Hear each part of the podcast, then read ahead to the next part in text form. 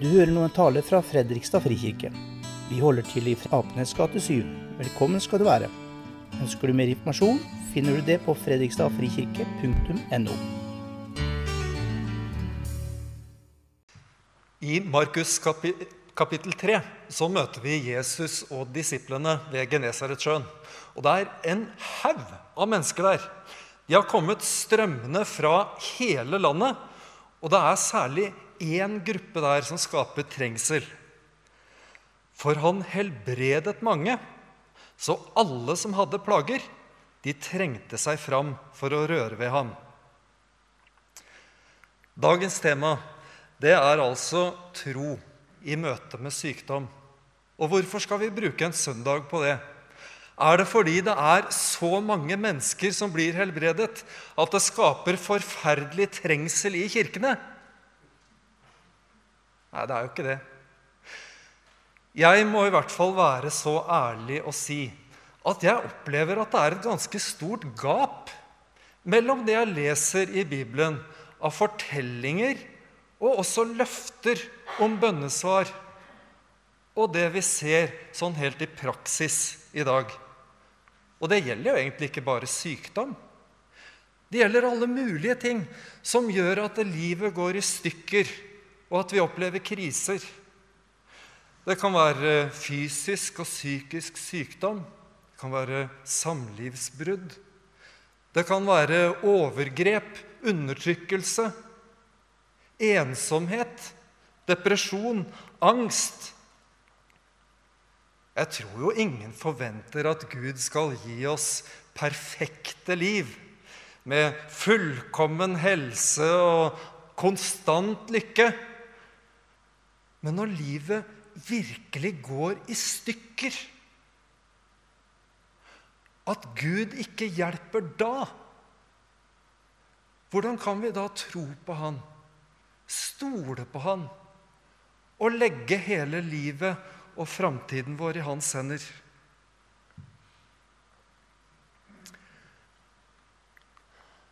Alle som noen gang har fått et vedtak fra Nav, de får også et vedlegg om retten til å klage. De er pliktige til å sende ved det. Og jeg har lyst til å lansere det som et teologisk begrep klagerett. Gamletestamentet det er jo fullt av klager og anklager mot Gud. En haug av salmene eksempel, i Salmenes bok det er klagesanger, som Salme 22. Min Gud, min Gud, hvorfor har du forlatt meg? Hvorfor er du så langt borte når jeg trenger hjelp og skriker ut min nød? Eller hvordan opplever dere profeten Jeremia når han virkelig går i rette med Gud? Rettferdig er du, Herre, når jeg fører sak med deg. Likevel så må jeg snakke med deg om hva som er rett. Hvorfor har de urettferdige framgang? Hvorfor er alle de troløse trygge? Jeg tenker at Som kirke så har vi plikt til å opplyse om klagerett. Vi forventer jo at folk skal være med på lovsang og synge til Gud om alt det fantastiske han har gjort. Men Gud tåler også klagesanger. Han tåler klagerop. Han tåler at vi stiller spørsmålstegn ved om han i det hele tatt har noen makt. Og til og med om han faktisk bryr seg i det hele tatt. Den aller sterkeste anklagen mot Gud det var det jo egentlig Jesus som kom med da han hang på korset, som et ekko fra Salme 22. Min Gud, min Gud, hvorfor har du forlatt meg? Det finnes noen teologiske forklaringsmodeller når det gjelder det med Gud og lidelse. Og Den første jeg skal si litt om, den var vel for å si det sånn, mer populær før. Nemlig at det er vel en mening med det. Altså at Gud har en slags plan bak all sykdom og nød og elendighet som vi møter. At han faktisk ønsker det, og at han sender det som et slags pedagogisk virkemiddel.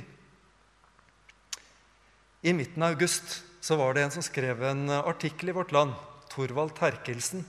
Og han forteller om hvordan han mistet sin tro. Det var i forbindelse med massakren på Utøya. Og det var en prest som hadde sagt at Gud har jo en mening med alt. Da forsvant hans tro. Så fikk Thorvald Terkelsen i ukene etterpå i Vårt Land ganske mange svar, bl.a. ett fra en tidligere prestelærer, som nok er mye mer typisk for vår tid. Bibelen viser oss at lidelse ikke har noe som helst med en langsiktig, guddommelig plan å gjøre. Gud sitter i grunnen bare der, litt maktesløs, og nøyer seg med å høre blodets rop som stiger opp fra en såret jord. For meg er nok begge deler like gærent. Jeg tror jo at Gud, uansett hvor forferdelige ting som skjer, kan gjøre noe godt ut av det. Jeg kan til og med være med på at Gud kan tillate at det skjer ting som vi opplever sånn umiddelbart som vondt, men som ikke er det. Men at Gud planlegger og sender all lidelse og nød til oss, det tror jeg like lite på som at han sitter maktesløs litt i ytterkanten og bare ser på.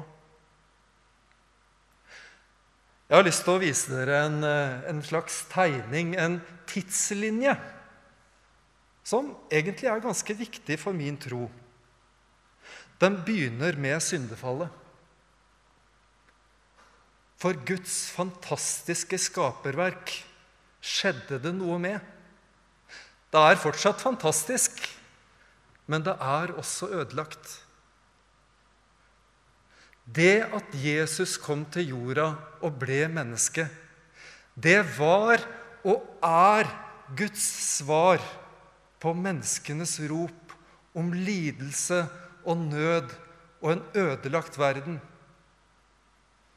Når Jesus kom til jorda og ble menneske, da kom Guds rike til oss. Når han helbredet mennesker og gjorde under, så var det et tegn på det nye riket som hadde kommet. Og vi lever i en slags overlappingstid. Vi lever fortsatt i en ødelagt verden med sykdom og lidelse og nød. Men vi lever også i en verden der Guds rike har kommet nær. Og det er derfor vi ber så ofte vi kan den bønnen som Jesus har lært oss. Vår Far, la ditt rike komme. La viljen din skje på jorden slik som den skjer i himmelen. Og vi ber den bønnen fordi Guds rike ikke er enerådende i verden i dag. Fordi ikke alt som skjer på jorda, er Guds vilje sånn som det er det i himmelen.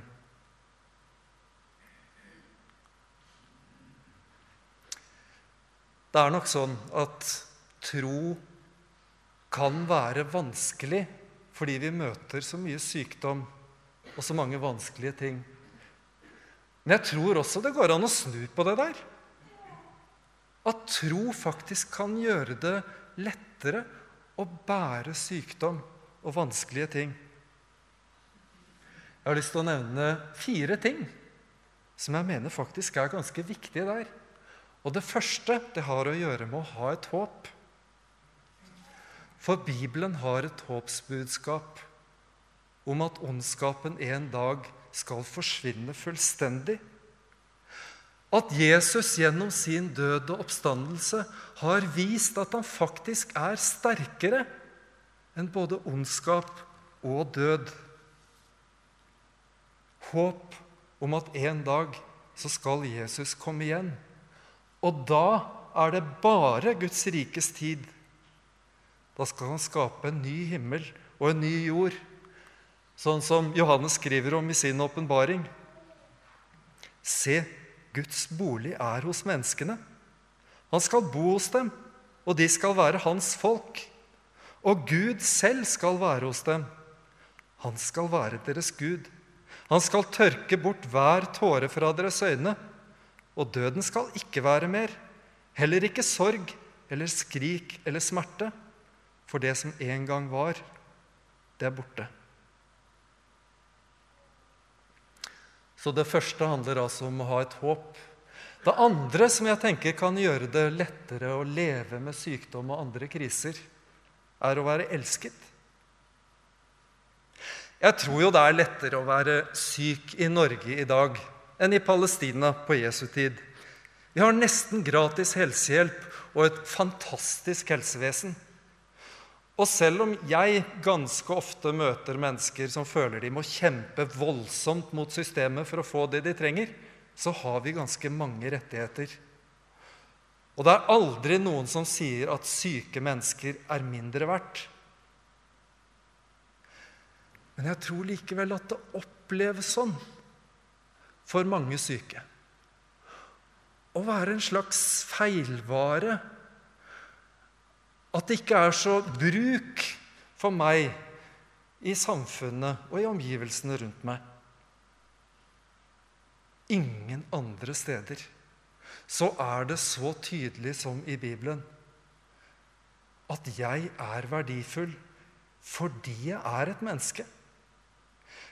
Jeg er planlagt, og jeg er ønsket av universets skaper. Jeg er uendelig høyt elsket, helt uavhengig av hva jeg presterer eller klarer til enhver tid. Bare fordi Gud har skapt meg. Og det er like enkelt som det er fullstendig radikalt og revolusjonerende å ha et håp, å være elsket. Og det tredje å gjøre en forskjell.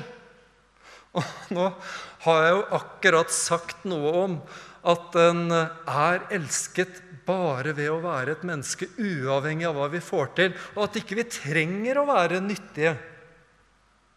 Og likevel så vil jeg si noe om å gjøre en forskjell og faktisk kunne bidra med noe.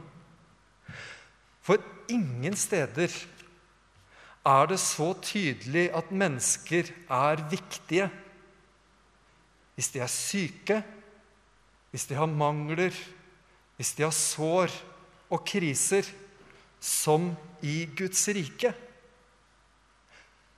For hele evangeliet, det handler jo om å mislykkes, men likevel være elsket. Paulus han hadde noen plager som han gjerne ville bli kvitt. Han ba tre ganger om at Gud måtte ta de greiene vekk fra han. Kanskje var det sykdom, men Gud svarer, 'Min nåde er nok for deg, for kraften fullendes i svakhet.' Derfor, sier Paulus, vil jeg helst være stolt av mine svakheter, for at Kristi kraft kan ta bolig i meg. Det ser rett og slett ut til at våre sprekker og sår gjør evangeliet mer tydelig. Så litt tidligere i 2. Korinterbrev så forteller Paulus om hvordan Gud faktisk lar sitt lys lyse ut fra oss mennesker. Men da er det viktig at innpakningen er skrøpelig. For Gud som sa Lys skal stråle fram fra mørket. Han har også latt lyset skinne i våre hjerter, for at kunnskapen om Guds herlighet i Jesu Kristi ansikt skal lyse fram. Men vi har denne skatten i leirkrukker, for at den veldige kraften skal være fra Gud og ikke fra oss selv. Derfor kan du gjøre en forskjell for andre mennesker selv om du føler deg svak, og at du ikke har noen ting å bidra med. Og Derfor kan du også være med å bygge et menighetsfellesskap. Selv om du ikke klarer å påta deg noen oppgaver. For en menighet, den bygges nedenfra. Den bygges ikke først og fremst fra talestolen eller her fra podiet. Den bygges fra kirkebenkene. Den bygges av ingeniører og vaskehjelper og uføre i en salig blanding. Den bygges når vi hører Guds ord sammen og tar imot det. Den bygges når vi ber sammen. Den bygges når vi lovsynger Gud og synger klagesanger. Da er Guds rike synlig her, og du gjør en forskjell. Så det fjerde punktet mitt det handler om å ha en menighet. En god menighet, det er et helbredende fellesskap som gjør mennesker mer hele. En naturlig del av en menighet det er jo å be for sykdom og andre ting som ødelegger livet. Og vi er en menighet som tror på sykdom. Vi har en ordning med en bønnekrukke som alltid står ute i vestibylen. Der kan vi legge lapper. De blir bedt for på gudstjenesten, og særlig på mandagenes bønnemøter, der alle lappene blir tatt opp og bedt for hver for seg. Når vi har nattvær, er det nesten alltid en som kan be spesielt for deg bak i kirkesalen. Og hvis du sliter med sykdom eller andre utfordringer og vil at noen skal be for deg, så snakk gjerne med en av pastorene. Eller meg. Eller en annen. Og så må jeg innrømme at vi opplever veldig sjelden mirakler. Det er vel litt som eh, Ketil Gilberg skriver, pastor i Kraftverket menighet i Oslo, at Jesus han gikk på vannet bare én gang. Som regel tok han båt. Men, men av og til så kan vi oppleve små og store tegn. Noe som peker fram mot det som vi en gang skal oppleve. Og mye oftere når vi ber for noen, så opplever vi noe som er kanskje et like stort under, nemlig at den som blir bedt for, kan kjenne Guds kjærlighet. Kjenne at Gud faktisk bryr seg, og at den ikke er alene. Så er det ikke bare bønn som gjør en menighet til et helbredende fellesskap. Det vi har felles som utgjør en menighet, det er jo nettopp at vi har et desperat behov for Gud. Fordi vi alle på hver våre måter har nederlag og sår. Og et fellesskap der du trygt kan vise fram din svakhet og stole på at du blir tatt imot akkurat sånn som du er. Ja, det er jo et fellesskap som gjør deg mer hel som menneske. Og en sånn menighet vil vi være. Helt til slutt Menigheten er også det stedet der Guds rike er synlig, helt konkret, i dag gjennom noen små biter med brød. Dette er Jesu kropp, gitt for deg. Gjennom noen små beger med vin. Dette er Jesu blod, utøst for deg. Han hadde ingen herlig skikkelse vi kunne se på. Ikke et utseende vi kunne glede oss over. Han var foraktet, forlatt av mennesker, en mann av smerte, kjent med sykdom, en de skjuler ansiktet for. Han var foraktet, vi regnet ham ikke for noe. Sannelig, våre sykdommer tok han, våre smerter bar han. Vi tenkte han er rammet, slått av Gud og plaget. Men han ble såret for våre lovbrudd, knust for våre synder. Straffen lå på ham. Vi fikk fred. Ved hans sår ble vi helbredet. Amen.